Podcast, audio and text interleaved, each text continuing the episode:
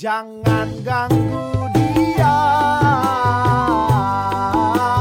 Dia sudah punya pacar. Fufuat, fufufuat. Kita cari yang lainnya.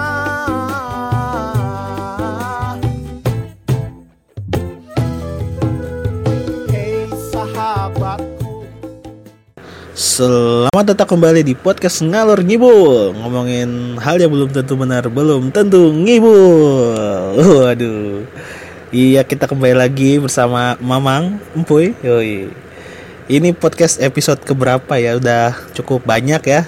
Dan dari episode pertama Kalau gue perhatiin isinya tuh tentang politik, politik, PPKN ya. Padahal tujuan pertama gue bikin podcast ini kan sebenarnya nggak cuma PPKN, tapi karena belum ada temen ngobrolnya juga, jadi ya nyampein materi aja gitu. Karena kebetulan memang podcast ini dipakai juga buat ngasih materi ke anak-anak di sekolah gue gitu ya. Jadi ya gitulah daripada ngajarin cuma via YouTube anak-anak pasti balas nonton YouTube gitu ngabisin kuota. Nah kalau pakai podcast kan lebih murah gitu.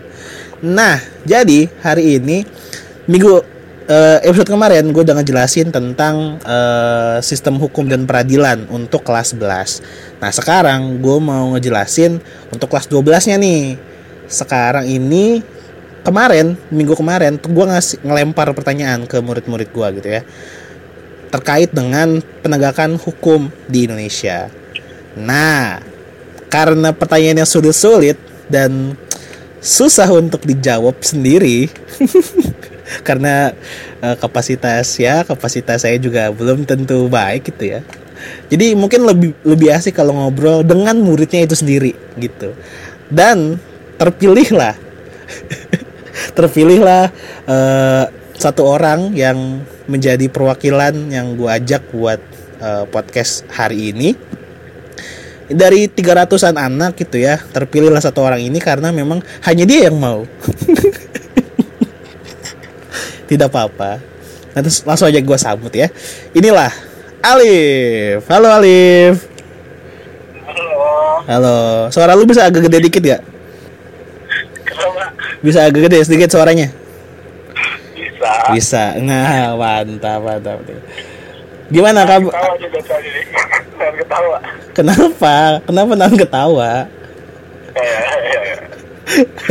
udah siap belum nih Udah dong. udah siap mantap gimana Alif kabarnya Alhamdulillah, Pak. Alhamdulillah. Gimana udah satu alhamdulillah baik udah satu semester ya nggak ketemu kita ya aduh Pak ya? Kangen iya sih kangen. Kangen kelas lu ya kelas IPS 2 ya. Jadi buat semuanya ya kelas Alif ini ya kelas 12 IPS 2 bener ya Alif ya? Iya. nggak ganti kelas ya? Nggak nggak acak kelas kan ya? Tetap kelas IPS 2 ya? Jadi dia udah kelas 12 eh, di kelas Alif ini kalau gue mau ngejelasin kan biasanya dengan humor-humor receh gitu ya plesetan-plesetan gitu ya. Kalau nggak lucu ditimpalin. Pak kurang kurang gitu Kurang. kurang. Kurang Eh, kelas yang penuh respect sekali gitu ya. Gue pernah masuk ke kelas Alif kelas IPS 2 mereka lagi rapat. Gue nontonin mereka rapat. Lagi forum. lagi forum. Lagi ngapain? Lagi forum pak. Forum GTC kalau nggak salah itu. iya GTC ya udah selesaiin dulu forumnya baru kita belajar ya Allah aneh banget dah. kelas aneh kelas aneh oke mungkin karena memang peneng Asik kan? Tapi asik kan? Asik kan? asik IPS 2 asik asik asik diskusinya asik ya eh ya gitulah ya emang bikin kangen ya Nga- ngajar anak-anak dengan anak-anak yang nyata gitu ya bukan anak-anak yang online Dengan anak yang nyata. iya jadi mungkin present dulu nih eh, Alif ini siapa kenapa gua harus milih Alif gitu ya Eh, yang pertama pertanyaan pertama nih Eh, lu siapa sih nama lengkap nama lengkap siapa nama lengkap nama lengkap Gue tuh utusan sebenarnya, Pak. Hah? Utusan sebenarnya gue. Apaan? Apaan? Kurang jelas? Utusan, utusan. Oh, utusan. Oh, jadi udah didiskusikan sebelumnya bagaimana ini? Enggak, enggak, enggak. Oh, enggak, enggak. Jadi nama Alif sebenarnya siapa nih? Nama panjangnya? Oke, nah, gue mau perkenalan nih. Oke. Yang kita dengerin podcastnya ngalor ngibul, asik. gue Iwan Ali Bidayat. Oke. Ah, dari 12 IPS 2. Oke. Nah, jadi gue ngajar di SMA 10 Bogor ya. Jadi ini murid gue juga. Kebetulan Alif ini adalah seorang apa Lip? Apa? Ya. Gue nanya bener-bener Lip. Ketua angkatan. Ketua angkatan, ya benar. Oh iya, uh, for information juga nih buat teman-teman yang dengar podcast ngalor ngibul. Oke. Kita punya podcast, Apa? dengerin dong. ini podcast, tapi belum, belum ini belum ada. Ya. Oh, lu mau bikin podcast juga? Iya kan yang kemarin, yang kemarin juara ada apa? Yang kemarin Oh, juara. oh iya. Oh iya ya, benar Alif ini pernah ikut lomba podcast, kebetulan jurinya saya dan saya menangkan dia gitu ya. Dan ini nggak nggak ada unsur-unsur politik nggak ada, emang bagus aja podcastnya gitu. Jadi bagus lah. Jadi Bukan bagus sebenarnya emang nggak ada lagi tuh yang bagus. Parah amat. ya ya ya ya ya, gak apa-apa gak apa-apa. Oke, eh, Alif ini ketua angkatan ya Alif ya? Ya pak, Ketua angkatan. Angkatan berarti lu angkatan berapa sih? 21 Angkatan 21 ya? Gua gua angkatan 12, berarti kita beda 9 tahun. Apanya masuknya? Iya, Apa lulusnya? masuknya. Lulus Masuknya ada 18 Hah? Masuknya ta- tahun 19? 18 18 Oh, 18. Itu udah 6 tahun Oh, berarti beda. Oh iya, 6 tahun. ya iya benar 6 tahun. Nah, jadi emang ini bukan an- ngobrol antara guru dan murid ya sebenarnya ini ngobrol kakak sama adik sebenarnya. Kesehatan iya dong. Sehat Ya kan gua anak IPS juga. Sebagai Iya, anak IPS juga, anak SMA 10 juga dulu gitu. cuttingnya sebagai cutting Sebagai cutting. Oke, eh, jadi gini Liv, jadi kenapa gua ngajak lu karena memang eh, yang pertama nggak ada lagi yang mau diajak. yang kedua, karena di sini kita bakal bahas beberapa Q&A dari teman-teman lu sebenarnya, teman-teman kelas 12 eh, terkait dengan penegakan hukum gitu. Udah siap belum lo? Ya Oke. Eh, langsung aja ya. Nah, sebenarnya podcast gue ini curang lip kalau mau dibilang ya. Karena eh, mau nggak mau kan harus didengerin ya. Ya benar emang harus dengerin Karena kalau nggak didengerin, ya lu nggak bisa bikin catatan. Betul betul betul Tapi politik ya Iya, politik. satu usaha usaha. Tapi nggak apa-apa sih kalau nggak dengerin juga. Tapi ya seenggaknya kita stres lip sebenarnya. Kalau misalnya gua nggak ngomong gitu ya, maksudnya kalau nggak ngejelasin kayak apa ya, kayak ngomong ngeja apa ngejabarin sesuatu gitu. Karena kalau cuma sekedar tulisan itu stres banget gua sebagai guru tuh sumpah. Karena guru IPS, guru sosiologi, guru PPKN itu nggak ngomong tuh nggak nggak bisa gitu loh. Makanya saluran yang paling baik ya podcast gitu. Mungkin kalau guru ada apa? ada penjelasan gitu kan pak ya Iya. interaksi deh Eh, kalau misalnya guru matematika mungkin bisa dia kayak bikin video, bikin apa. Kalau PPKN bikin video-video apa? Aneh. ini tugas ini kewajiban dan hak warga negara di sini ini ini ini Males banget liatin guru ngejelasin doang. Aneh. Iya kan maksudnya emang sebenarnya pelajaran saya jujur nih banyak pelajaran kayak sosiologi PKN bahasa Indonesia tuh harusnya majin-majinnya tuh nggak sekarang kelas 12 teh yang tatap muka langsung kayak gitu Iya benar. ilmu kayak gini mah ilmu-ilmu kehidupan ya pak ya Iya benar. jadi kayak kurang aja gitu kalau misalnya kita cuman dari dari lihat video Nah iya benar benar benar benar. Karena ya itulah. Oh iya gue belum nanya ke lu nih. Lu gimana perasaan lu daring selama satu semester nih? nano-nano lah pak Nano. Banyak lebih rasa. lebih dukanya atau sukanya? cuci lah aduh ini masih cuci Capek gak sih lu ngerjain tugas setiap hari? Ada tugas setiap hari gak sih? iya kan kan sekarang belajarnya bukan ini ilmu kan itu kan Apa? jadi kita belajarnya tuh bukan belajar materi jadi belajarnya tuh nggak Iya, iya, iya, iya. Kan kalau misalkan hari biasa mah sekolah Mhm. itu penjelasan belum tentu ada tugas tapi belum ada penjelasan Ya, benar. kalau sekarang tugas sudah pasti belum pasti Ah, bener banget. Kayaknya itu masalah problem yang hampir kebanyakan siswa rasakan ya. Eh, lebih banyak dapat tugasnya ketimbang pem, pem- apa pembelajarannya, pe- penjelasannya gitu ya. Karena ya emang susah lift sebagai guru juga gue ya bingung. Gimana coba caranya kita tuh bisa ngasih apa namanya materi seefektif mungkin di- ditangkap sama siswa dengan cara online ini gitu. Karena jujur ya gue kurang suka sama video conference zoom gitu kayak apa Google Meet gitu. Karena itu tidak memberikan dampak pembelajaran sama sekali menurut gue ya. Karena lebih banyak ya apa ya susah gitu masuk materinya. Lu pernah nggak belajar pakai zoom? Sering banget pak. Asli. Masuk nggak? Ah, masuk. Masuk. Alhamdulillah ada wae itu pak. Karena karena gue mikirnya ini gue belajar materi dari mana lagi coba. Nah. ini zoom. Sebenarnya the only way itu nggak vicon? The only Ya, one oke. and only way ini. Ah, lain dari ya di luar jam belajar kan bisa lihat-lihat di YouTube lah ibaratnya baca-baca dari tweet-tweet atau nggak artikel-artikel gitu. Oke. Kadang yang TK juga ya ngerti gitu aja ngerti ada penjelasan dari langsung dari guru MTK-nya Mhm. ya sering banget karena gue udah ikut les ada yang lain yang sekarang kayak pikon deh. Udah gitu doang tuh ngeregulasi matematika teh. Kayak mereka cuma sekadar ini doang gitu jadi sekadar jadi yang penting absen iya sih. Ada gitu. Makanya eh, emosi membludak pas UTS ya itu pak lo kalau masuk grup PKI apa grup PS? Parah sih itu. Gila semuanya. Sama lip. satu guru dibombardir. Jadi teh udah satu orang ngomong kayak gitu dijebolin terus sama satu orang. Kacau emang. Parah sih gua gua kan masuknya grup kelas 11 ya. Sama aja lip. Eh, maksudnya emang sistem ujiannya juga lagi bermasalah gitu ya. Terus ditambah eh, mungkin emosi yang sebelum-sebelumnya di mana anak-anak tuh belajar cuma dikasih tugas sedikit penjelasan. Akhirnya ujiannya kayak nggak efektif aja gitu. Ya nggak sih? Lu ngerasa gitu nggak sih? Pasti pasti gini nih.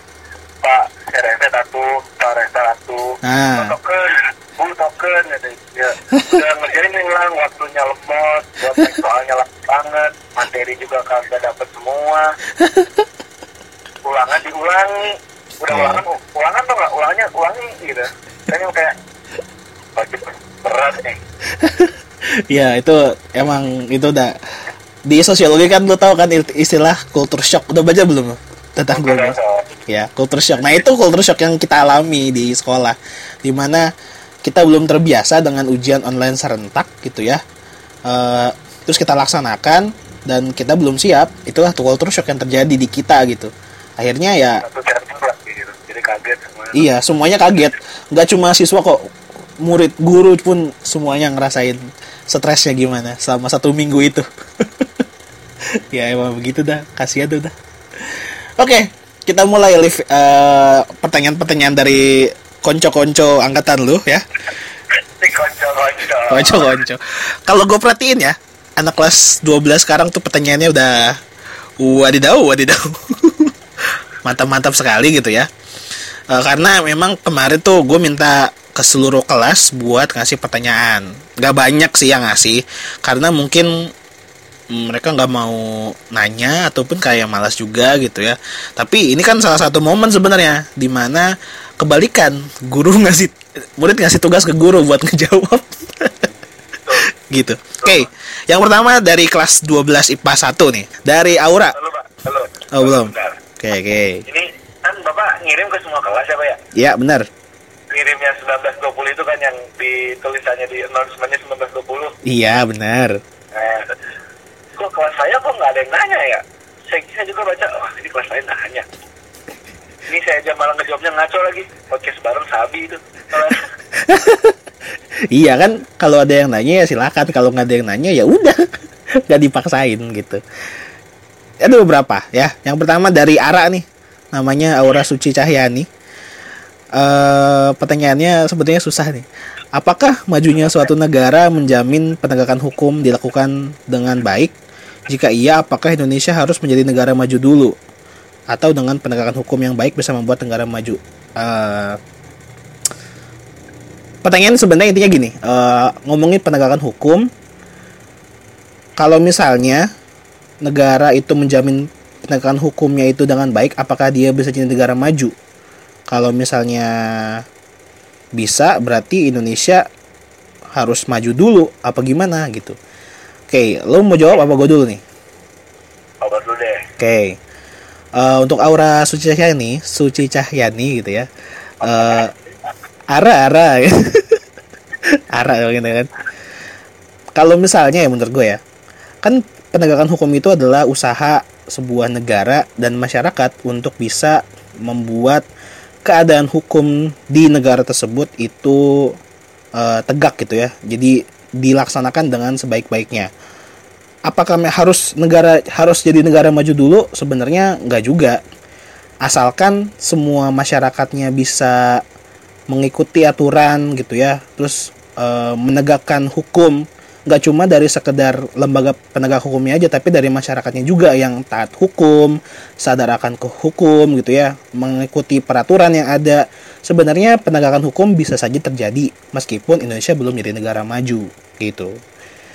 Eh, negara maju pun sebenarnya eh, muncul ketika penegakan hukum dilaksanakan dengan baik. Jadi sebenarnya ini dua sisi yang saling berkaitan. Kalau ngomongin negara maju biasanya penegakan hukumnya itu baik karena masyarakatnya itu sudah mematuhi hukum-hukum yang ada di negara tersebut. Ya contohnya kita ambil di Singapura.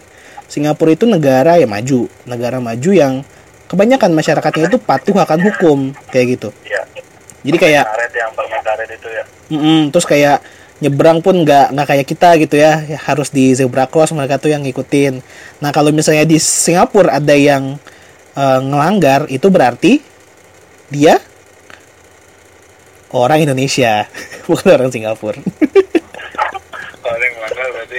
Bukan orang Singapura. nah benar karena orang Singapura semuanya udah ngikutin peraturan yang ada. Makanya mereka bisa dibilang jadi negara maju yang punya penegakan hukum yang baik. Gitu menurut gua. Gimana menurut Alif nih Sebenarnya kalau dari gua sih pas sama kayak bapak nih atau dengan penegakan hukum yang baik bisa membuat Indonesia maju. Nah itu banget kayak kalau uh, penegakan hukum di Indonesia baik gitu, ibaratnya tegas, pertama tegas, yang kedua juga ya dibarengin sama uh, apa sih namanya dibarengin sama ya ibaratnya udah ngasih uh, peraturan gini pemerintah juga harus ngasih uh, infrastruktur atau fasilitas yang nih ke orang-orang biar mereka ibaratnya deh gak ketekan gitu loh pak. Jadi, hmm. jadi yang di sini yang ditingkatin tuh sebenarnya kesadaran dari pribadi masing-masing. Kayak kayak kayak sebenarnya kan penegakan hukum Indonesia kan banyak bukan yang banyak yang bilang ya, Pak, ya. Maksudnya sering banget gitu kan orang ngomong bedor banget kayak Indonesia tuh negara hukum bla bla bla bla bla ya, negara hukum kan nah tapi ya karena negara hukum jadi kayak gimana ya? Apa apa diatur apa apa diatur. Itu kan bagus sih sebenarnya jadi ibaratnya ada batasan gitu. Kita ngelakuin sesuatu pun ada batasan nah tapi yang ingin itu kesadarannya pak. Ya. Ya. Gua nih kesadarannya kesadaran dari pribadi masing-masingnya. Hmm, hmm, kayak kayak di Belanda. Kan di Belanda gua, gua, gua pernah dengar uh, gua pernah lihat apa apa pernah nonton itu oke. Nah, dia jadi jubir gitu kan. Terus dia bilang katanya teh di Amerika di Belanda katanya penjara deh kosong. oh Penjara ya gitu namanya, penjara kosong kan. Hmm. Sampai dia minta narapidana dari negara lain buat masuk ke negaranya. Hmm, Sebenarnya kalau buat gua penegakan hukum harus adil lah ibaratnya harus adil. Kalau pengen negaranya maju. Oke. Ibaratnya sesuai. Hmm, bersama eh, regulasi. Jadi biar gak nggak munculin ambiguitas gitu dari orang-orang. Kayak Goks. ya alkohol gitu gitu pak. Alkohol rokok. Maksudnya jadi apa ya di warga-warganya supaya mereka sadar tuh. Oh menurut saya dikasih edukasi ini tuh diregulasi lah ibaratnya gitu. Hmm, hmm. Oke. Jadi menurut lo negara eh penegakan hukum itu bisa baik kalau negaranya maju atau sebelum negara sebelum jadi negara maju penegakan hukum bisa dibuat baik di negara itu. Menurut lo yang mana? penegakan hukum penegakan hukum harus maju kalau pengen negaranya maju penegakan hukum harus baik kalau pengen negaranya maju Oke, nice. Jadi untuk Aura Asosiasi Cahyani, eh jadi se- sebenarnya nyambung gitu ya. Semakin majunya sebuah negara biasanya akan beriringan tuh dengan penegakan hukumnya. Nah sebenarnya ya tadi benar kalau misalnya eh, kita mau menegakkan hukum dengan baik, sebenarnya meskipun belum jadi negara maju bisa aja. Asal semua masyarakatnya bisa eh, mengikuti peraturan dan pemerintah atau pejabatnya pun atau penguasanya bisa menciptakan kebijakan yang adil. Sehingga kedua-duanya tuh bisa saling apa ya bisa saling berkesinambungan saling seimbang. Ya muncul yang naik. Tadi namanya harmoni sosial dan eh, ketentraman di masyarakat kayak gitu. Nice. Jadi goks dari yang goks, goks. kecil deh dari yang kecil gitu. Ibaratnya misalkan pemerintah ngeluarin peraturan kayak gini kita warganya ikutin nah Oke. itu juga bahasa orang tuanya mah harus amanah dong kayak gitu teh. Nah, iya. Benar benar benar benar benar benar benar benar benar. Oke, nice. Next kita coba pertanyaan selanjutnya. DJ Tanuardi itu siapa sih pak Si ini, jadi pertanyaan kedua dari DJ Tanuardi. DJ itu namanya siapa sih? Si eh DJ Tanuardi itu siapa anak IPA 1. Aduh, gue lupa namanya siapa. Danu, Danu, Danu tahu Danu gak lu? saya kira si DJ PS3 ini DJ soalnya DJ Ah iya, makanya. Danu, Danu, Danu Tirta, Danu Tirta. Tahu? tahu tahu tahu Nah, dia nanya kenapa DPR mengesahkan UU Ciptaker yang mengancam pendapatan kaum buruh semakin berkurang. Apakah ini yang namanya pelindungan hukum terhadap buruh atau terhadap para investor dan pengusaha asing? Gua skip.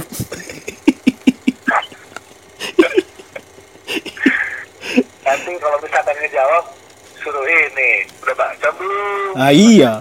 Nah iya.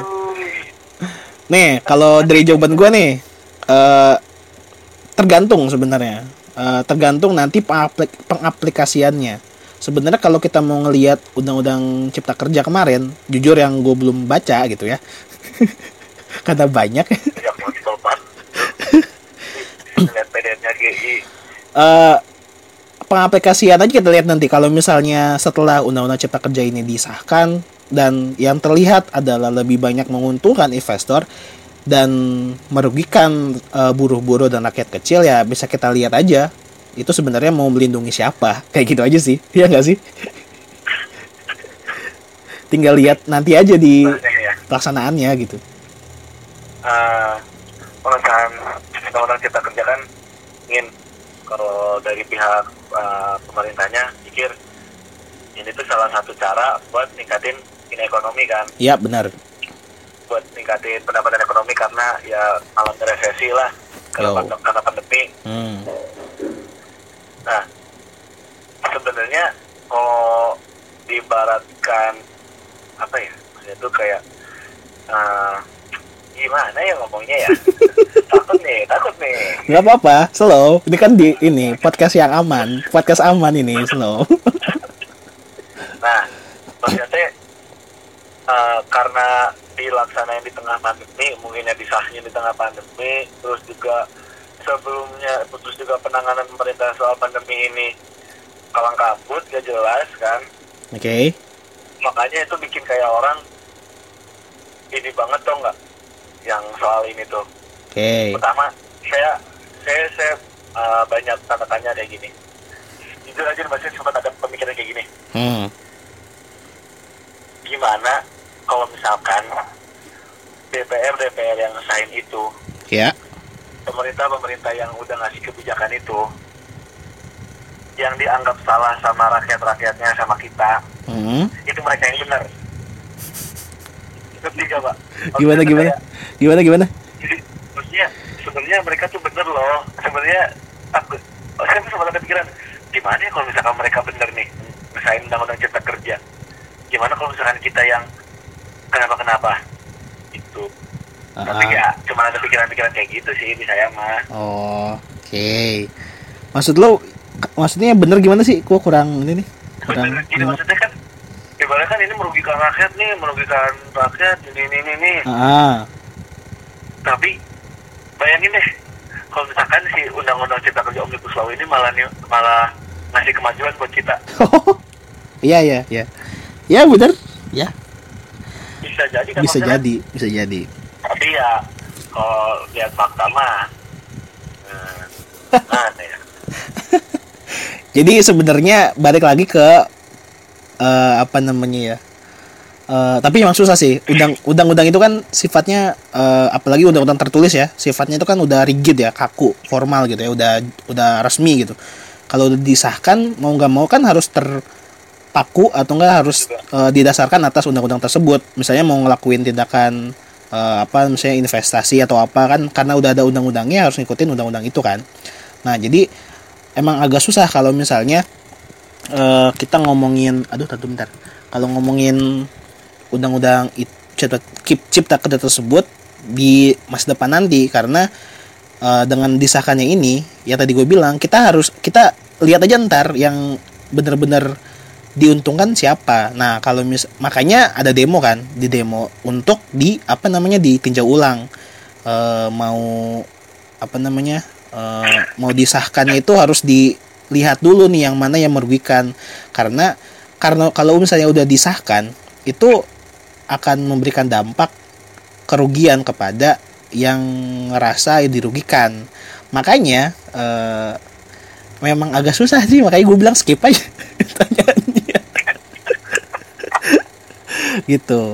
Tapi kalau misalkan dilihat-lihat eh, gaji berdasarkan jam kerja ya itu parah sih kalau kalau itu mah udah parah sih kalau misalkan emang benar ada kayak gitu gaji berdasarkan jam kerja mah jadi Karena lagi di PHK kan, bisa bisa kemungkinan di PHK kan Hmm, jadi sebenarnya kalau misalnya kita baca secara tekstual dari isinya gitu ya, lebih banyak merugikan kan ya, lebih banyak merugikan eh, buruh dan masyarakat biasa ketimbang investornya gitu kan.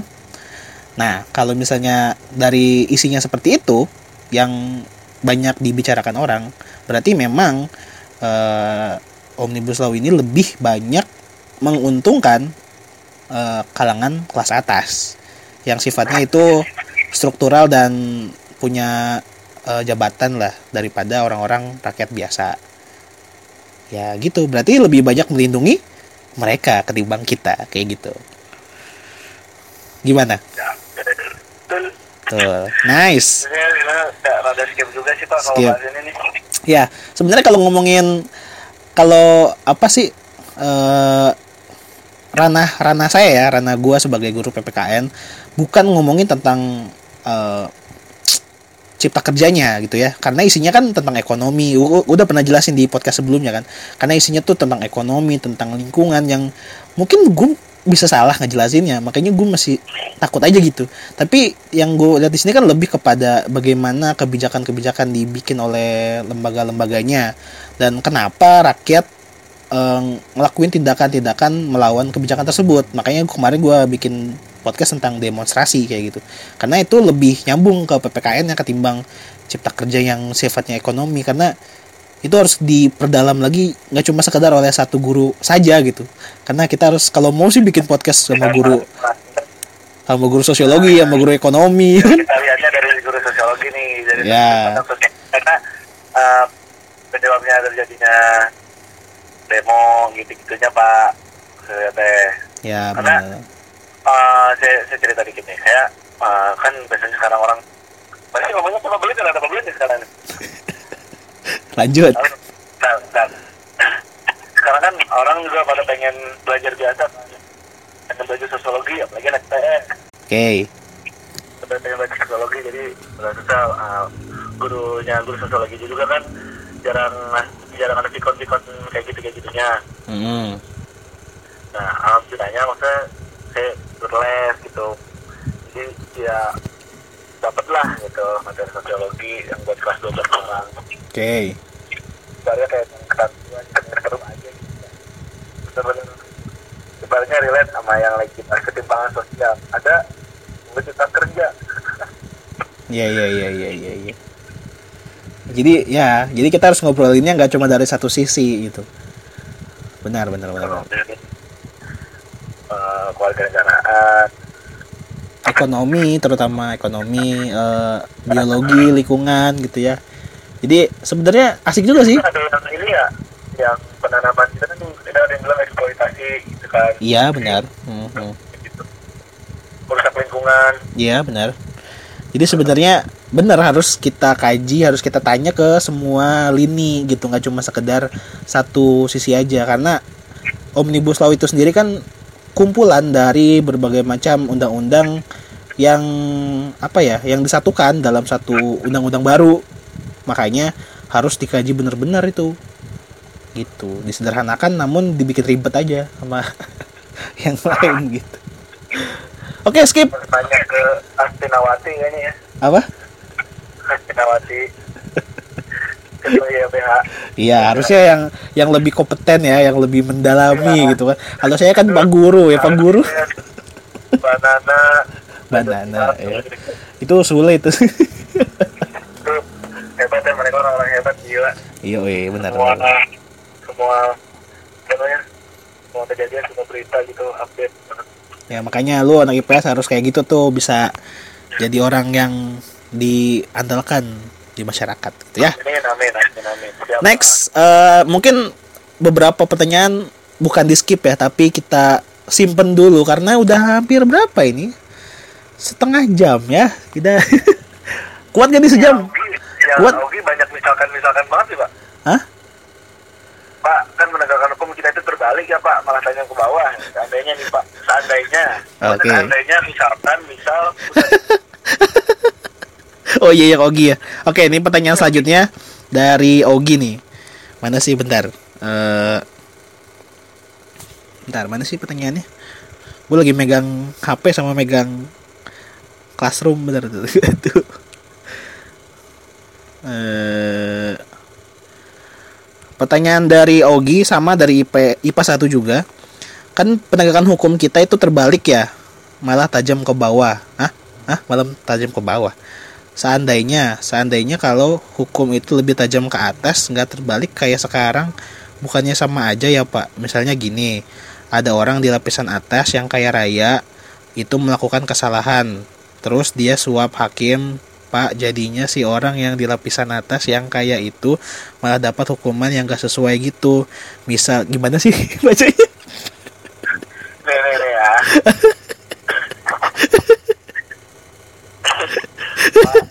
Kan penegakan hukum kita itu terbalik ya, Pak. Malah tajam ke bawah. Bukan terbalik, emang sebenarnya bukan terbalik. Ke terbalik harusnya kan adil ya. Adil itu bukan sama rata, ibaratnya teh. ya adil tuh proporsional Itu malah tajam ke bawah. Nah, ah Seandainya nih Pak, seandainya kalau misalkan hukum itu lebih tajam ke atas, gak kayak sekarang, oh maksudnya gitu. Sama aja ya Pak.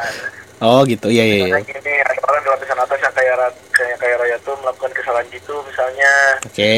Dan suap itu Pak, jadinya. Si orang yang di lapisan atas yang kaya itu malah dapat hukuman yang gak sesuai gitu jadinya. Misal, oh.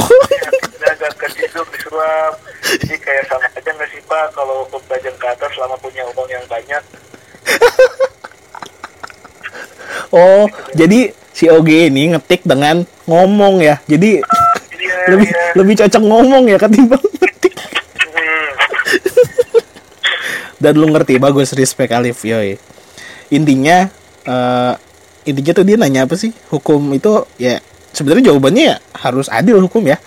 Penegakan hukum itu ya harus di eh, laksanakan dengan seadil-adilnya mau dari kelas atas kelas bawah ya harus dilakukan. Kalau misalnya dia bersalah ya harus kasih hukuman. Mungkin nanti lu bisa dengar podcast gua yang sebelumnya nih. Nanti kan gua bikin, dua podcast nih. Yang pertama tentang sistem hukum ya. Nah di situ ngejelasin kenapa hukum itu tajam ke bawah dan tumpul ke atas. Jadi sebenarnya udah dijelasin gitu. Jawabannya di situ. jawabannya di situ. Oke? Oke, next. Mutiara Dela Ya, pertanyaan selanjutnya dari Mutiara Dela. Mutiara Dela. Kelas IPA 1. Ini IPA 1 semua kayaknya nih. IPA 2 eh, AFK. Menurut Bapak, siapa yang dapat mengubah sistem penegakan hukum di Indonesia saat ini, Pak? Karena jika dilihat dengan keadaan sekarang, rakyat tidak dapat dengar aspirasinya. Maka dari itu, menurut Bapak, siapa sih yang bisa mengubah sistem penegakan hukum di Indonesia ini? Dan jika penegakan hukum Indonesia sudah bagus, apakah menjadi negara menjadi negara maju? Oke. Sebenarnya kita sendiri ya, yang harus merubah ya. Sebenarnya Dari semua ketangan ya. dari masyarakat itu sendiri dari ya kalau untuk sekarang ya men- ya siapa yang bisa mengubah adalah dari penegak hukum itu sendiri sebenarnya Dari Siap- pemerintah itu sendiri. yang dari harus pemerintah itu sendiri yang harus eh, sadar akan perubahan eh, hukum di mana mungkin masih terasa penegakan hukumnya belum adil, masih banyak suap sana sini, masih banyak eh, apa namanya hukuman yang tidak pantas diberikan gitu ya. Eh, sebenarnya kalau mau jangka pendek yang harusnya merubah adalah kita sendiri gitu ya. Maksudnya yang yang sekarang sedang menjadi peneg- penegak hukum kayak polisi, kayak hakim, jaksa dan lain-lain itu setidaknya harus dilakukan eh, apa namanya ya? eh, bikin apa ya? Bikin lembaga tersebut tuh benar-benar punya integritas loh, punya punya pekerja, punya tanggung jawab yang benar-benar harus dilakukan. Harus dilakukan secara fungsional. Masih ingat ya podcast podcast kemarin ya? Di mana Soalnya mereka juga kan punya peraturan tertulis kan buat tugas mereka gitu. Iya, iya benar. Jadi mereka tuh setiap lembaga punya punya tugas dan fungsi yang sesu yang harusnya dilakukan. Karena sayang Iya, sekali mm, sekarang kan masih banyak yang belum diaplikasikan dengan baik sehingga ya tadi sehingga banyak eh, dari mereka tuh yang nggak bekerja dengan baik dan muncul tadi penegakan hukum yang tidak adil dan lain-lain gitu. Makanya eh, untuk di saat sekarang adalah ya dari penegak hukum itu sendiri yang harus bisa menyesuaikan kembali fungsinya. Nah, tapi untuk eh, jangka panjang sebenarnya adalah eh, penegakan hukum itu agar bisa baik dan maju ya ada di generasi-generasi muda gitu ya kayak anak sekolah, mahasiswa dan lain-lain karena mereka yang istilahnya tuh jadi apa ya eh, agent of change tahu agent of change gak lo? orang Hah apa tuh? orang orang-orang yang bisa ubah itu. ya agen perubahan gitu ya atau kalau nanti di kalau lu kuliah ya nanti lu dapat tiga apa namanya tuh tiga istilah tuh ya ada agent of change ada iron stock nanti tahu lah pokoknya. Nah itu inti intinya adalah eh, mahasiswa atau siswa yang sekarang gitu ya jadi apa ya sumber daya yang seharusnya bisa mengubah suatu negara baik di bidang ekonomi sosial termasuk dalam hukum. Kayak gitu. Kayaknya, kayaknya, jawaban bapak yang ini harus deh pak buat pertanyaan ini. maksudnya? Dasar yang mana? Pertanyaan si Dapa Januar. Oke, Ya, lanjut pertanyaan Dava ya berarti ya. iya. Oke, pertanyaan Dava nih. Yang dapat yang dapat terakhir deh, yang dapat terakhir deh. Yang Dava terakhir. Emang ada pertanyaan lagi? Siapa ya? Dari IPA berapa? IPA 6, IPA 5. Liv, pilih salah satu aja, Liv. Kalau bisa gitu terlalu banyak, Liv. Nah ini kalau yang yang Jonathan nih, Oke. Bapak hukum dan apa sih yang sangat cocok dan efektif untuk dijatuhkan kepada koruptor-koruptor ada di Indonesia? Oke. Ya misalnya Yuzu Yuzu 24 jam non stop oke ya pakai headset. Atau enggak kunci ya 30 menit jam pakai headset. Kena lah ya bayarnya jelas gitu. Disuruh ini ya. Pokoknya ada yang nanya eh, hukum pidana yang paling cocok untuk koruptor di Indonesia. Menurut gua sih paling bener itu suruh denger lagu Mipan Zuzuzu 24 jam pakai headset. Insya Allah taubat, Insya Allah taubat. Nah, ini pertanyaan dari Zedania. Iya apa? Pandangan Bapak gimana Pak tentang polisi yang menjatuhi hukuman terhadap pelajar yang mengikuti aksi demo yang seperti aksi dari Omnibus Law atau bukan ikut-ikutan doang?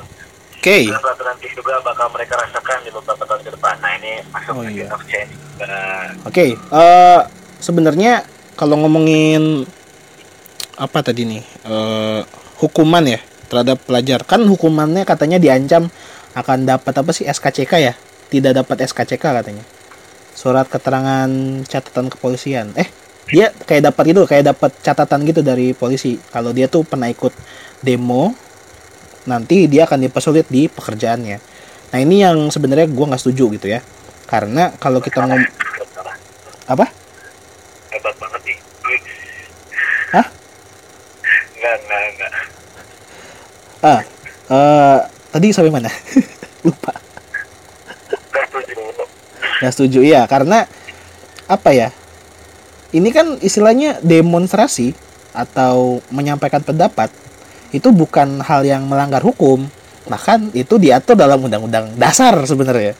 Undang-undang pasal 28 gitu ya kebebasan berpendapat. Tapi mungkin harus digarisbawahi ya eh, yang mungkin harus dapat SKCK atau misalnya catatan kepolisian gitu ya. Bukanlah orang yang berdemo.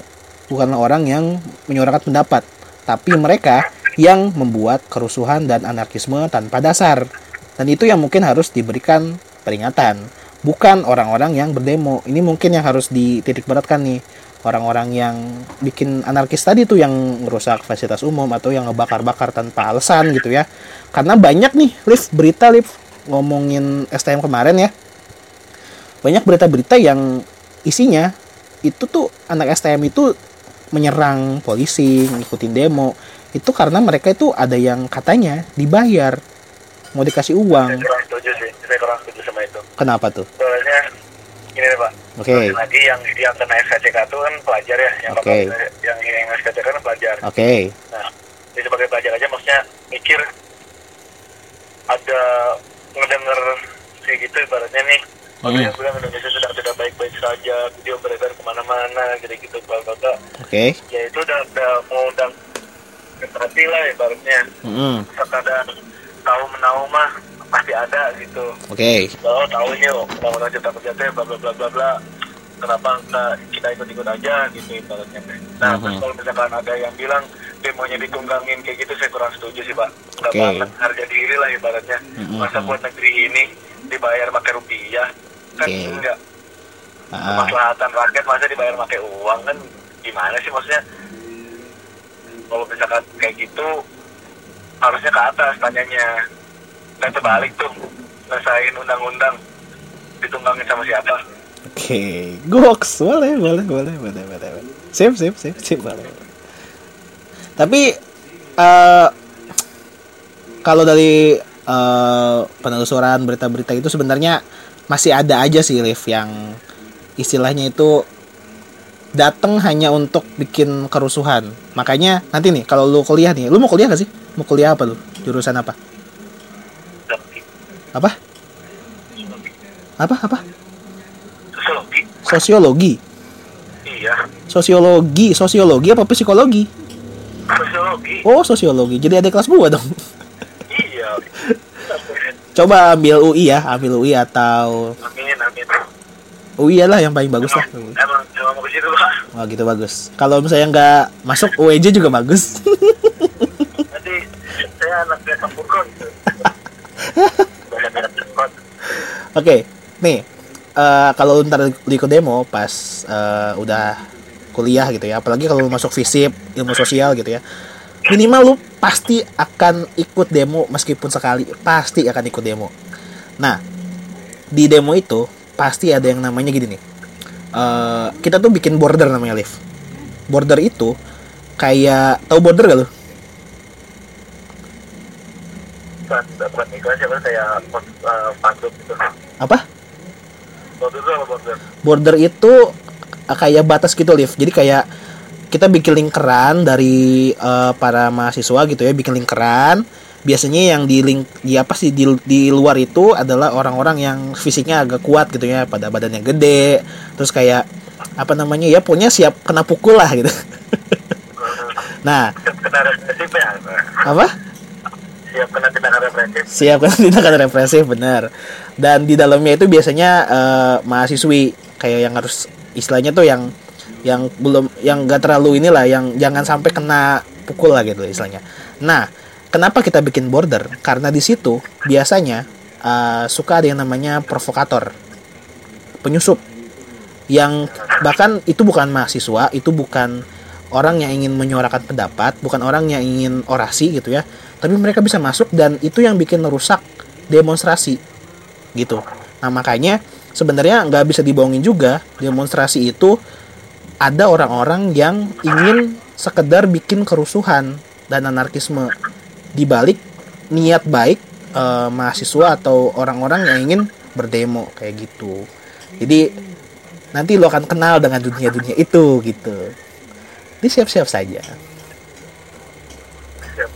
Gitu. Nah jadi sebenarnya kalau ngomongin tadi tadi ngomongin apa sih kita? Ngomongin eh ini loh yang jatuh hukuman Ya, hukuman. ya itu ya. Jadi sebenarnya saya eh, juga masih tahu pak Hmm? Nah, pernah saya juga nulis waktu itu di esai bapak. Oke. Saya setuju. Sebenarnya sebagai apalagi saya sebagai pelajar sendiri ya. Ya. Justru bangga ngelihat pelajar yang udah turun ke jalan. Hmm. dengan catatan dengan ya oke. Mereka tahu. Nah yang benar. mereka suarain. Yuk, iya benar. mereka tahu datang ke sana mau ngapain nah saya bangga banget soalnya kenapa? Ibaratnya kita kan emang udah dituntut banget buat kritis sejak ini. Ya. Ya itu udah kritis misalkan udah ada yang tahu. Hmm, hmm, hmm, jadi hmm. secara uh, perspektif persepsi orang soal pelajar karena ada beberapa oknum yang nyerang polisi kayak anak STM lah yang bawa senjata tajam atau bla bla bla. Ya.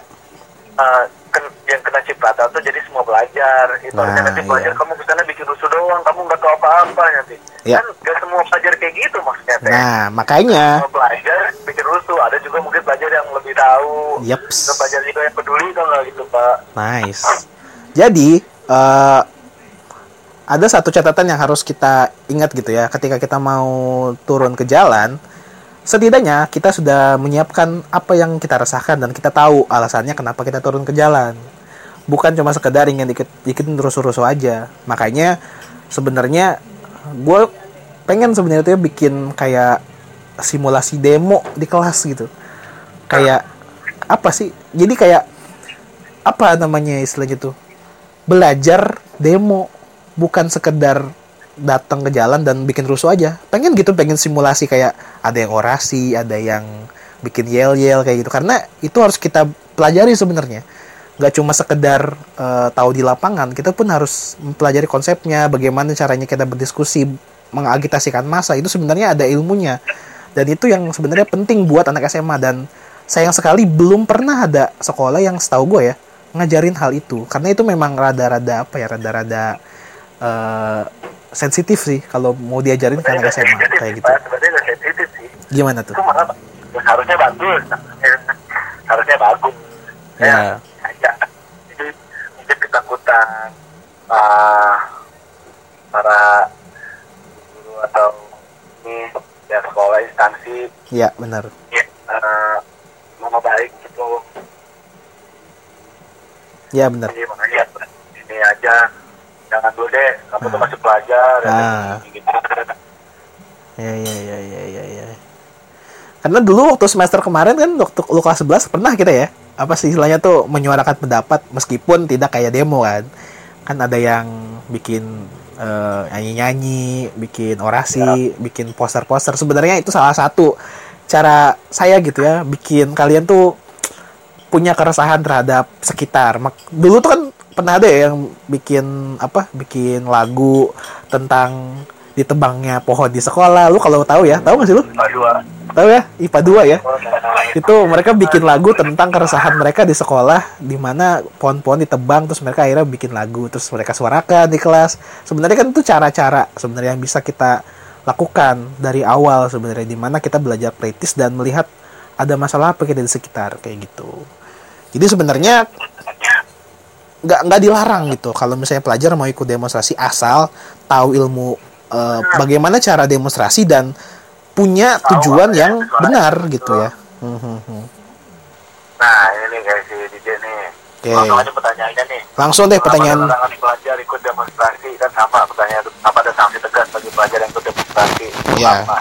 Mhm. Apakah agar tidak ada tindakan merugikan seperti usulan atau larangan tersebut apakah larangan tersebut dapat mengancam privasi Tinggal Pak, adakah perlindungan hukum bagi pelajar terkait larangan dan sanksi berdemonstrasi? adakah larang mengapa ada larangan pelajar ikut demonstrasi? Eh, mungkin yang pertama karena tadi takutnya mereka belum mengerti konteks demonstrasinya sehingga takutnya malah menciptakan anarkisme.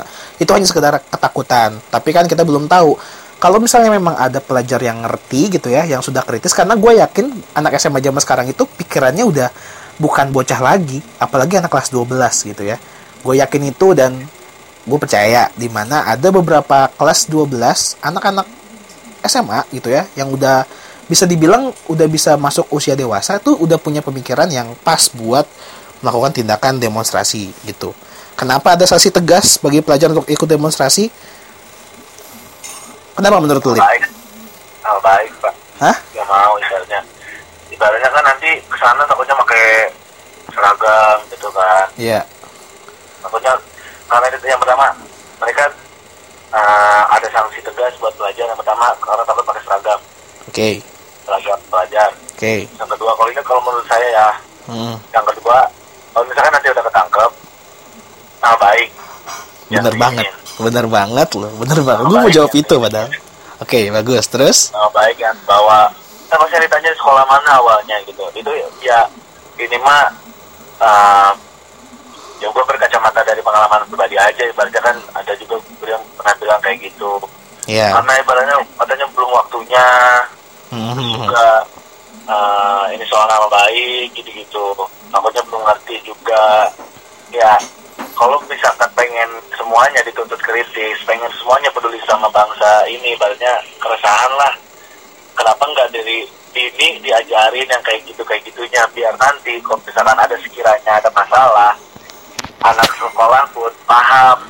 Itu benar. saya benar, benar. kenapa nggak diajarin dari dini aja soal-soal kayak gitu? Hmm, ibaratnya eh, kita tuh apa ya kan sering banget gitu ngedengar eh, orang-orang ngomong kalian tuh harus kritis sekarang harus critical thinking bla bla bla bla. Oke kita ada critical thinking.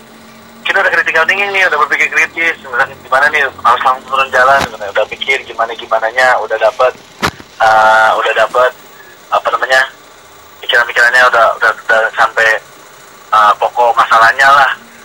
Nanti pas sudah sampai dibilang kalian tuh belum waktunya sebenarnya ikut ikutan kayak gitu. Loh katanya suruh berpikir kritis dibilang lagi terus dibilang lagi. Ya kan nggak bisa bisa turun ke jalan juga kan? Bisa turun ke jalan juga bla nah maksudnya kan itu salah satu bentuk kepedulian dong nggak? Ya. cara cara menurut saya kalau saya tuh salah satu bentuk kepedulian gitu. Oke lah saya paham. Kalau misalkan ada uh, klise di bawah umur mah Hmm, ya sebenarnya saya paham betul itu ya emang semuanya itu kan diregulasikan ya kalau Iya. pengen lebih ini mah tapi ya menurut saya kalau misalkan ada sanksi berat gitu nggak banget sih. Jadi yang kena cipratnya semuanya gitu pak. Yang harusnya oknum-oknumnya gitu kan. Yang karena karena tindakan beberapa orang jadi ngerugiin seluruh pelajar Indonesia supaya yang benar-benar peduli sama keresahan warga-warganya keresahan masyarakat-masyarakat. Itu. Itu. Ya benar benar benar benar. Bagus jawaban lu. Gak salah gue pilih lo jadi teman podcast. ini keresahan aja nih maksudnya juga Iya, iya. ini keresahan aja pak Iya, benar, soalnya saya ngeliat kemarin dikirim pertanyaan sama bapak kayak gitu nah ini juga yang pengen saya tanyain dong nggak kalau misalkan udah ketemu langsung Oke.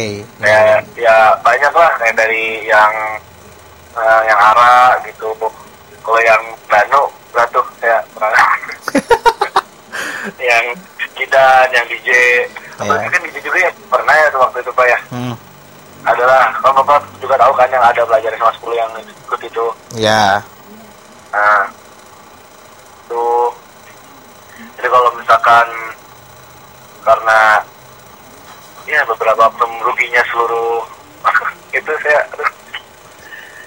saya sebenarnya pengen mah pengen pak asli turun ke jalan tapi beneran beneran yang kemarin bener-bener pengen banget baru kelas Ah. 12 nih udah udah harus udah udah tahu gitu. Iya sih benar. harus mulai harus pembiasaan gitu Hmm. tapi ada pikiran saya takut beneran takut karena ya saya juga masih takut gitu takut kena hukumannya Iya benar karena di balik realistis aja gitu Iya.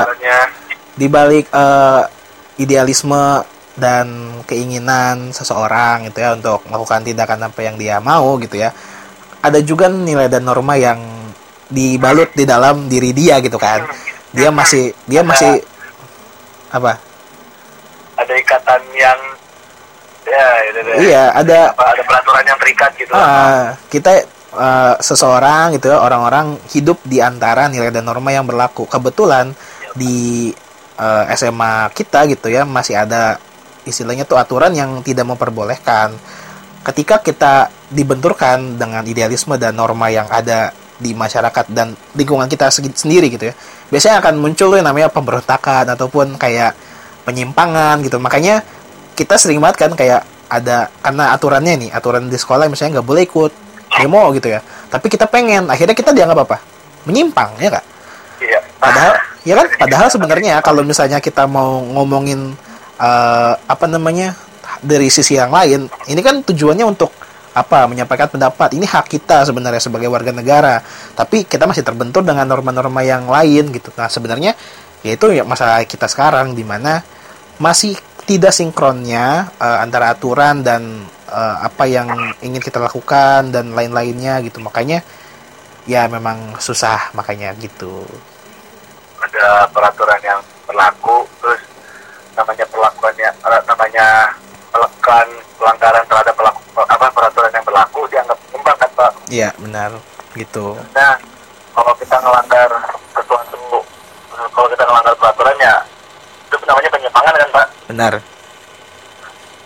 melanggar norma-norma ya Mm. sebenarnya ya udah ada udah ada porsinya lah saya juga maksudnya berusaha realistis berusaha mengerti juga gitu ya emang ya sudah tersana juga bukan sekedar posting sosmed ya aduh aduh kurang deh Kurang ya. kurang banget pak uh, nikmatnya jadi berat ya tidak dapat nikmatnya Hmm, Iya sih. Nanti makanya eh, sebenarnya yang paling mudah, yang paling realistis bisa dilakukan adalah eh, selesaikan studimu dulu gitu ya. Selesaikan studi di sekolah. Jadilah mahasiswa yang kritis dan apabila ada kebijakan yang tidak ada sesuai dengan eh, rakyat, bersuaralah terhadap rakyat terhadap eh, pemimpin, terhadap eh, penguasa atas nama rakyat. Karena sebenarnya masa-masa yang paling baik di masa mahasiswa nanti ketika lu kuliah adalah ketika kita demonstrasi menyuarakan pendapat rakyat. Yang itu sebenarnya kerasa banget. Walaupun lu sekali aja ikut ikut aja sekali aja pasti kerasa kok. Lu kayak anjay gue gitu. dari sosial media aja merinding gitu ngeliat film balik 98 terus dok, eh, dokumentari 98 nih Gila. asli pak goosebump banget itu saya kalau saya. nonton nonton kayak gitu. Nah, iya udah nyanyi pas mahasiswa buruh tani Indonesia Pusaka aduh. Berat berat. Ya makanya sekarang lakukan aja yang bisa dilakukan sebagai seorang siswa status dan peran kita sebagai seorang siswa nanti akan ada masanya kita sebagai seorang eh, mahasiswa menjuarakan pendapat kita kayak gitu. Nah. Ya oke Alif. Gimana Alif? Apanya pak? Ya gitu. Jadi eh ya udah kita lakukan aja sebagai siswa lu sebagai seorang siswa gitu ya. Eh suarakan pendapat se bisa lu sekarang karena memang masih mungkin masih terbatas gitu ya sebagai seorang siswa turun ke jalan dan lain-lain. Itu emang masih simpang siur gitu ya masih belum ada aturan yang jelas. Eh, mungkin ada berpendapat sebagai seorang siswa. Sebenarnya boleh-boleh aja. Ini pak. Hmm? tem- eh, ada kejadian ini ini saya kata itu ketika Imam murid SMA iya. Dia dia dia namanya kampanye kampanye kampanye apa sih Eh, aksi gitu bareng teman-temannya teman-teman sekolah oh iya ke gedung eh, kehutanan kalau nggak salah nuntut eh, ini lingkungan Oke. Sampingnya mau ke sekolah gila itu dia dia berhenti sekolah buat dia sekarang jadi duta aja bukan jadi duta jadi eh, ketua Aktivis gitu? apa gitu Oh iya iya. saya, saya lihat di di mendokumentari diam dan dengarkan itu bagus tuh. Eh, ini pesannya buat teman-teman yang ada dalam podcast ini tonton eh, channel-channel di Watchdog, terus and Man Picture itu eh, yang kalian nonton kayak gitu juga ningkatin kepedulian kalian dong dengan kalian nonton eh, channel-channel kayak gitu itu sama aja kalian udah peduli tentang kondisi di negeri ini gitu. Itu Pak. nice, nice, nice. Tuh silakan coba ditonton ya buat eh, mungkin gue coba nanti pakai tugas itu aja kali. Iya boleh Pak, bener soalnya Watchdog, Watchdog. Oke, oke, oke. Siap, kan siap, siap. Ya, yang ya. seksi killer tuh ya, seksi killer. Oh ya, sesi killer ya. Ah, benar benar. Oke oke, Eh, benar. Jadi ya usahakanlah se sebisa Alif sebagai seorang pelajar gitu ya. Yang penting eh, rasa kekhawatiran, rasa keresahan terhadap eh, kebijakan-kebijakan yang tidak sesuai bisa tersalurkan gitu ya. Sebenarnya lu bisa kok bikin sebuah gerakan non kekerasan sebenarnya. Tapi mungkin memang eh, ini sangat sulit, sangat susah. Tapi kalau misalnya berhasil, ini bisa cukup bagus. Kalau lu suka nulis gitu ya, bisa suka bikin artikel gitu ya, kasih aja ke koran, ke koran-koran gitu ya. Biasanya banyak tuh artikel-artikel yang berasal dari eh, mahasiswa atau dari pelajar. Kalau misalnya bisa naik, argumen lu bagus, lu bisa istilahnya tuh bisa ngasih banyak eh, masukan, ngasih banyak pendapat ke orang banyak. Gak cuma sekedar lu doang yang berpendapat gitu. Gitu kan buat orang-orang. Iya benar. Sebenarnya itu cara yang apa ya, yang baik gitu ya, dan intelektual juga dengan cara yang pintar dan cerdas gitu ya, bikin tulisan gitu yang gitu penting ya. Itu kan Pak, buat tunjukin kepedulian kita. Iya, itu kan salah satu cara juga sebenarnya. Gitu. Jadi sebenarnya banyak cara lain meskipun tidak ikut turun ke jalan. Meskipun memang tadi lu bilang, ah kalau dilihat lewat medsos itu kurang kurang gimana gitu. Sebenarnya itu juga sebenarnya cara. Namun kalau memang pengen memberikan apa ya dampak yang besar, ya tadi bikin tulisan-tulisan dan argumen-argumen yang bisa didengar oleh orang banyak ya melalui media-media sebenarnya gitu. Itu cara paling apa ya? paling aman lah kalau untuk sekarang sebagai seorang siswa kayak gitu. Ya bijak juga tuh, kan banyak hoaxnya, cari lagi sumbernya. Ibaratnya udah lihat video ini, kaji lagi Iya sumber-sumbernya. benar benar benar benar. emang emang beredar banget kan yang eh, saya soalnya yang eh demo kemarin yang mau cipta kerja Mm-mm. beredar banget di kejadian tahun kemarin RUU KUHP Mm-mm. sebelahnya lagunya kan lagu gugur bunga tuh gak kalau gugur pahlawanku pasti gitu aja ya nggak apa-apa sih maksudnya tapi kan itu eh, yang tahun kemarin ya Iya iya. orang-orang langsung kayak komennya ini apa nggak pada nyadar ya saya mah udahlah Ada iya sih benar. ya pokoknya kalau kita ngomongin tentang media massa, media sosial, kita nggak boleh langsung uh, menjustifikasi kebenaran. Jadi kayak ini benar ini salah. Kita harus mencari dari berbagai sisi. Itu paling benar sebenarnya. Media sosial tuh liar banget bro, tidak seperti yang kita pikir kayak gitu. benar Kayak gitu. Ya mungkin Alif eh, karena memang sudah satu jam lebih ya, gak kerasa gitu ya.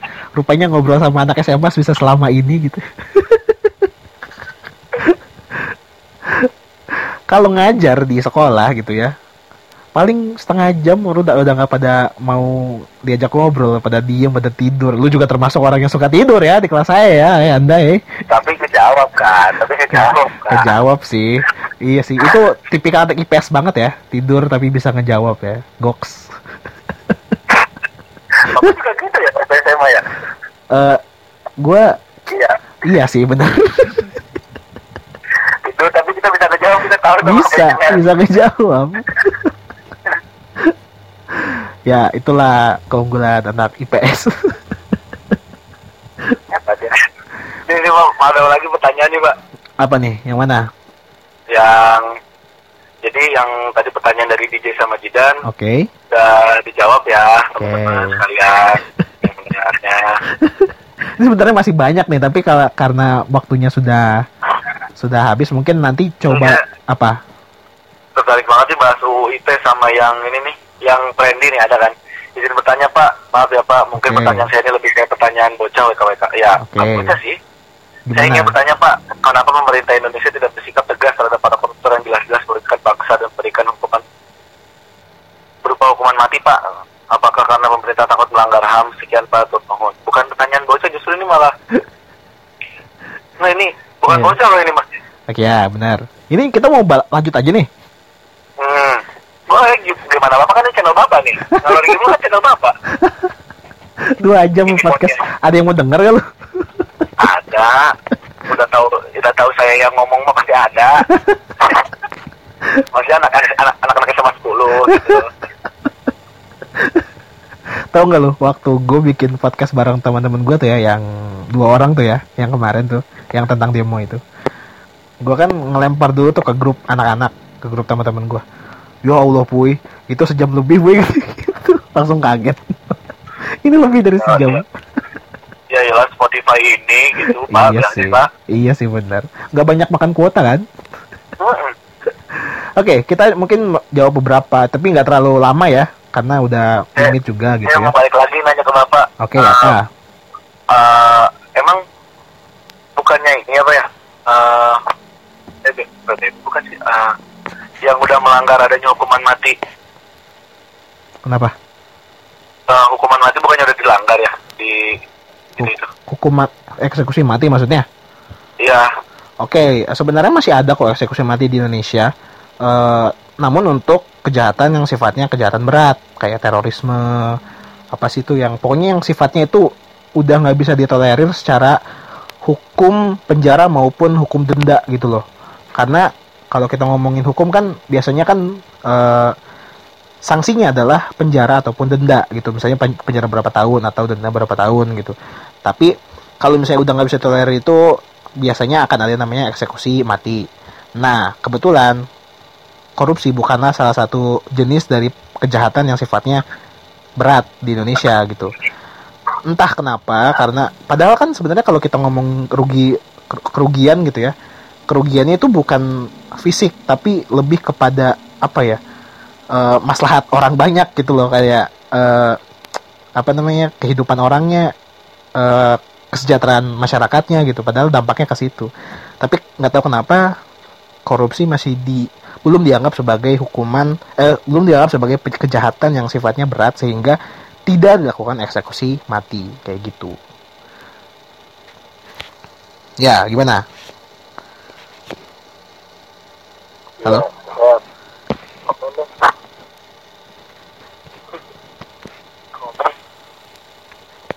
Halo? Ayo lanjut Pak. lu ngapain sih Lanjut Pak. ya gitu jadi eh, tadi pertanyaannya apa sih pertanyaan dari siapa nih pertanyaan dari Alif ya? Hah? pertanyaan dari Friendly Pratama ya Alif Friendly Pratama IPA 6 Eh, kenapa pemerintah tidak bersikap tegas terhadap para koruptor yang jelas-jelas? Eh, gue udah pernah ngejelasin ini di podcast sebelumnya tentang hukum tajam ke bawah dan tumpul ke atas ya. Termasuk ngomongin tentang korupsi gitu. Coba didengar aja di situ udah pernah dijelasin gitu ya. Hah? Bisa dicek. bisa dicek. Tapi intinya eh, ini berkaitan sama kejahatan kerah putih. Lu pernah dengar gak kejahatan kerah putih? Belum tuh. Hah, masa belum? Lu kelas 11 sudah belajar masalah sosial tentang kejahatan. White collar crime blue collar crime. Udah belajar belajar kan ya? Itu Pak, Pak. sosiologi. Lupa. lupa iya. Coba dengar tar podcast gue yang sebelumnya ya. Oke, saya juga berarti harus mendengar lagi ya.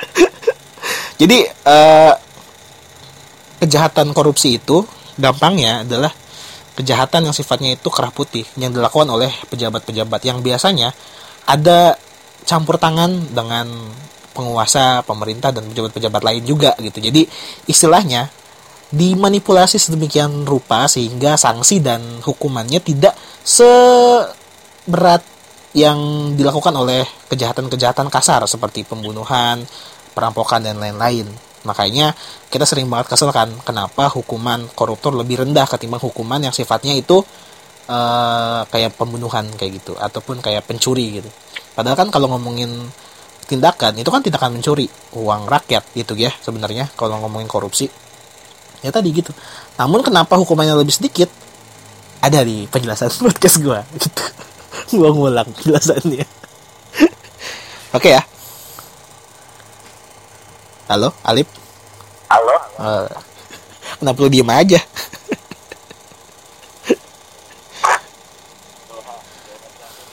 Hah? apa apa halo suaranya agak gede Lip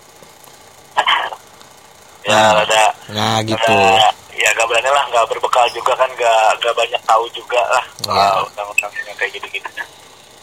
Jadi ya pokoknya untuk pertanyaan si friend dia Alif friend dia Pratama kenapa nggak tegas karena masih banyak apa ya masih banyak eh, kejahatan-kejahatan yang sifatnya tuh kerah putih lah di Indonesia sehingga membuat kebijakan tegas terhadap koruptor itu sulit kayak gitu.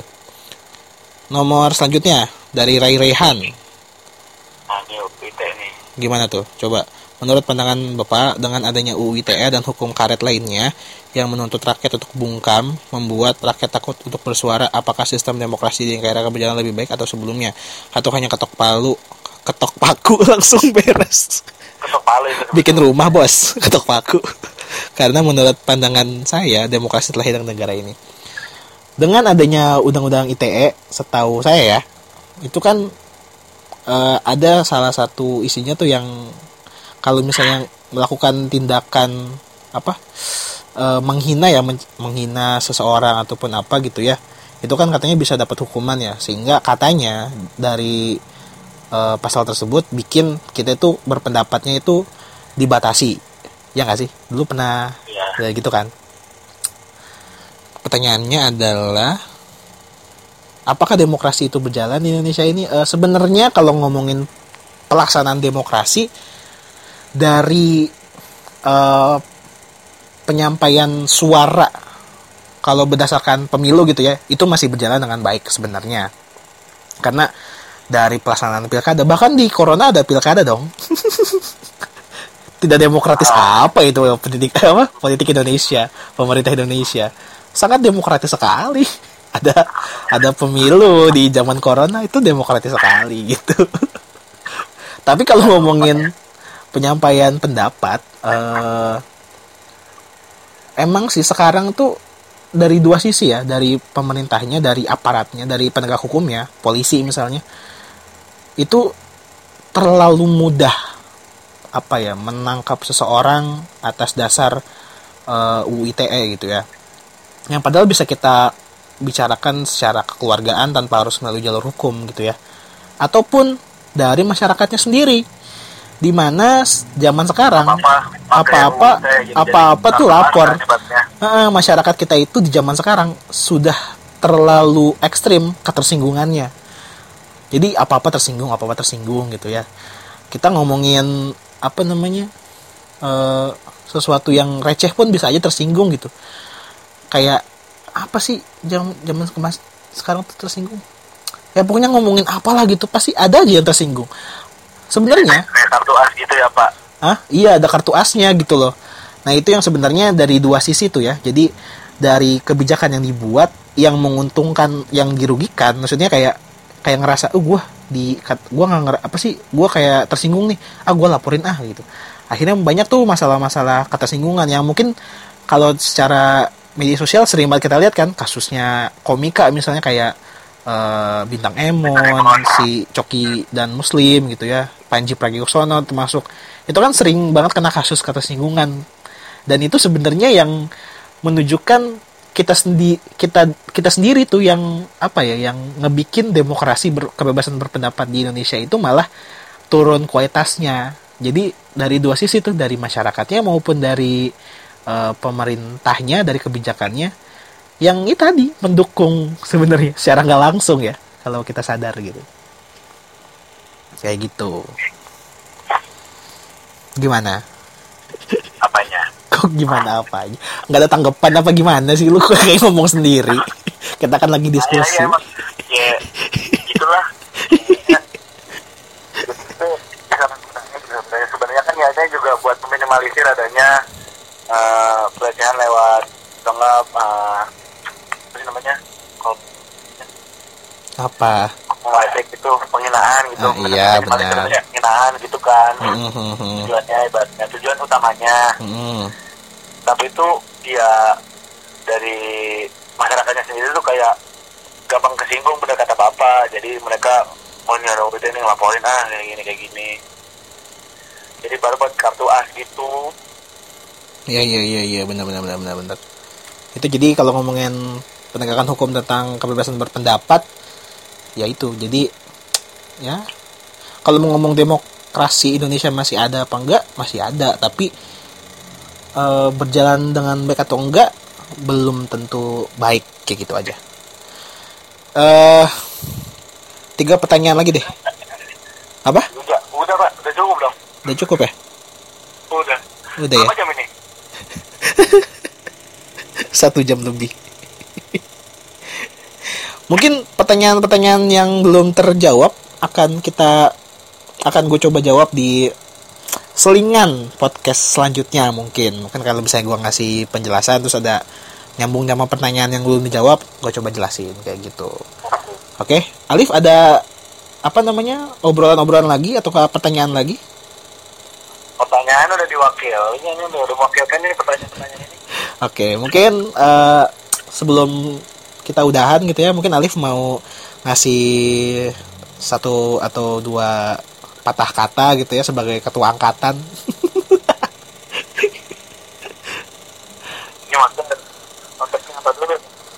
Terserah mau tentang eh, ya apa pun yang mau Alif bilang lah, mumpung lagi di podcast gitu loh. Eh, pesan pesan gua buat teman-teman semuanya pesan saya tetap pedulilah sama keadaan di negeri ini jangan jangan sampai kita gak peduli jangan sampai kita benar-benar apatis. Kalau kalau bisa kalau bukan kita yang peduli ini beneran kalau bukan kita yang peduli siapa lagi? Asli. Kepedulian tuh benar-benar penting tuh kepedulian. Ya banyaklah cara banyaklah medianya buat banyaklah caranya buat ngungkapin kepedulian itu kan. Ya, ya mudah-mudahan eh, yang kata orang banyak bilang Indonesia pun sedang tidak baik-baik saja segera baik-baik saja lah amin. Semesta meridoi tiap-tiap tulis yang berangkat dari hati Asik. gitu aja pak Oke.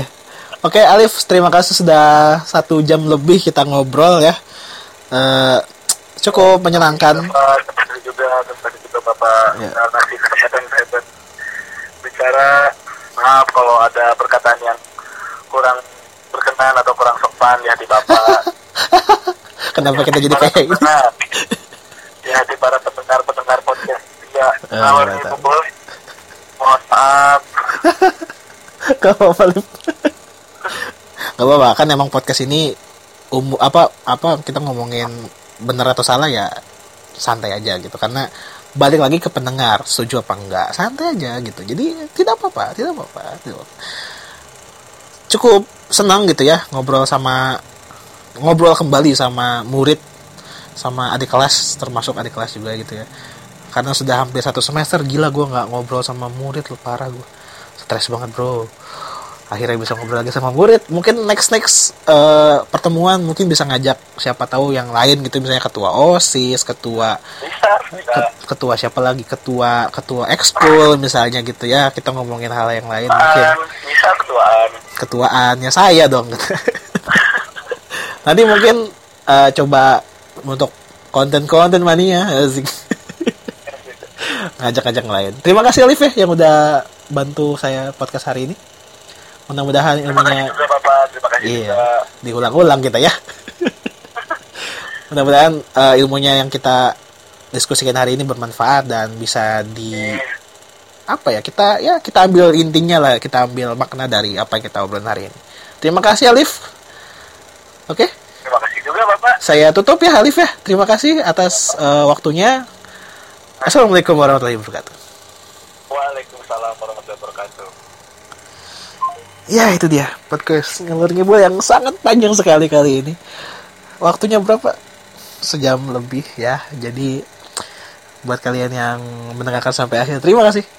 Karena memang pertanyaannya juga cukup banyak, penjelasannya cukup banyak.